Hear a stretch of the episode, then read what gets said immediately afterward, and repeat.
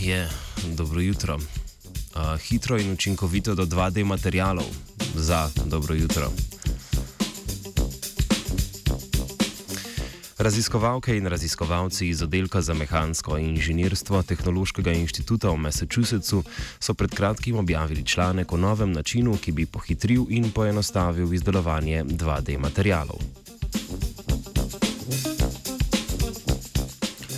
Vse od leta 2003, ko smo s sintezo grafena prvič prišli v stik z 2D materialom, so se raziskave na tem področju razcvetele.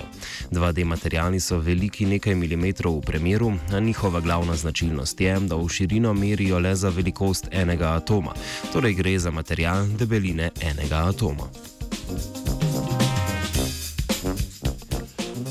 Veliko raziskav je bilo narejenih zato, da bi poleg grafena, ki je sestavljen izključno iz oglika, lahko pridobili podobne materijale tudi iz drugih atomov. Tako sta bili uspešni sintezi naprimer molbidenovega disulfida in tungstenovega disulfida, ki imata podobno strukturo. Ti enoatomarno debeli materijali so še posebej zanimivi zato, ker jih lahko skupaj zlagamo kot lego kocke in imajo tako zelo uporabne značilnosti na področju elektronike. Tako zlaganje omogoča močne vezi med atomi v ravnini in dokaj šibke vezi med ravnin ravninami samimi.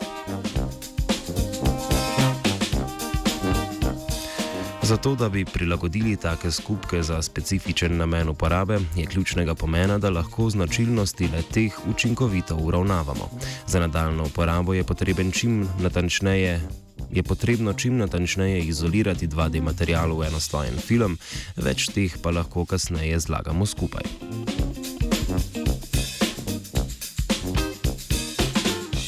Do sedaj je bila najpogostejša metoda takega izoliranja tako imenovana adhesive tape metoda. Ta preprosto deluje tako, da lepilni trak ponavljajoče zavijajo in odvijajo, da bi ločili različne plasti kristala med seboj. Poleg časovne potratnosti je ta metoda zelo neučinkovita, saj so ploščine tako dobljenih filmov zelo majhne. Poleg tega metoda ne more zanesljivo proizvesti enoslojnih 2D kristalov iz nekoliko večjih kosov izvornega materijala.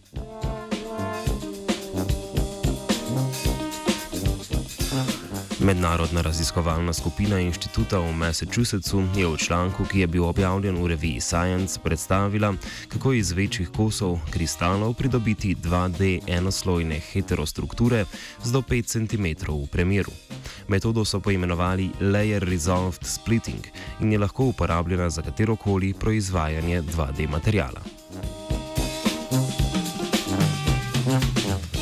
Najprej so razvili nekoliko debelejši sloj 2D materijala na tanki ploščici, na to pa so nam položili nikljev lepilni trak in spodnjo nosilno tlank, tanko ploščico zamenjali še z enim nikljevim trakom. Proces so ponovili toliko krat, da je na nosilni ploščici ostal le še en sloj enoatomarnega filma. Tak proces je učinkovit in izveden v nekaj minutah. Ena izmed vznemirljivejših aplikacij tako dobljenih 2D materialov je posledica njihovih polprevodniških lastnosti. Lahko bi jih uporabili za izdelavo ultratankih, prožnih, prozornih in nosljivih elektronskih naprav. Tako 2D napravo bi, veseljem, bi si z veseljem, ali bi z veseljem, bi si z veseljem lastila tudi Dunja. Proizvod najvišjega kakovostnega razreda za vas, R&H.